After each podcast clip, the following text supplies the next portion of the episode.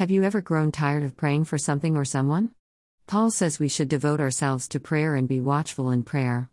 Our persistence is an expression of our faith that God answers our prayers. Faith shouldn't die if the answers come slowly, for the delay may be God's way of working His will in our lives. When you feel tired of praying, know that God is present, always listening, always answering, maybe not in ways you had hoped, but in ways that He knows are best. Vivienne Caldwell is the author of her first book, Be Strong. The Lord is always with you, in her first children's book, No One Wants to Be My Friend. These books were written to motivate, encourage, and strengthen us and to let us know that despite our struggles and storms of life, God is always with us and our anchor holds on the solid rock, which is Jesus Christ. Her books are now available on Amazon and Barnes and Noble, so get your copy today. Just type in her name, Vivienne Caldwell, and you will see her books.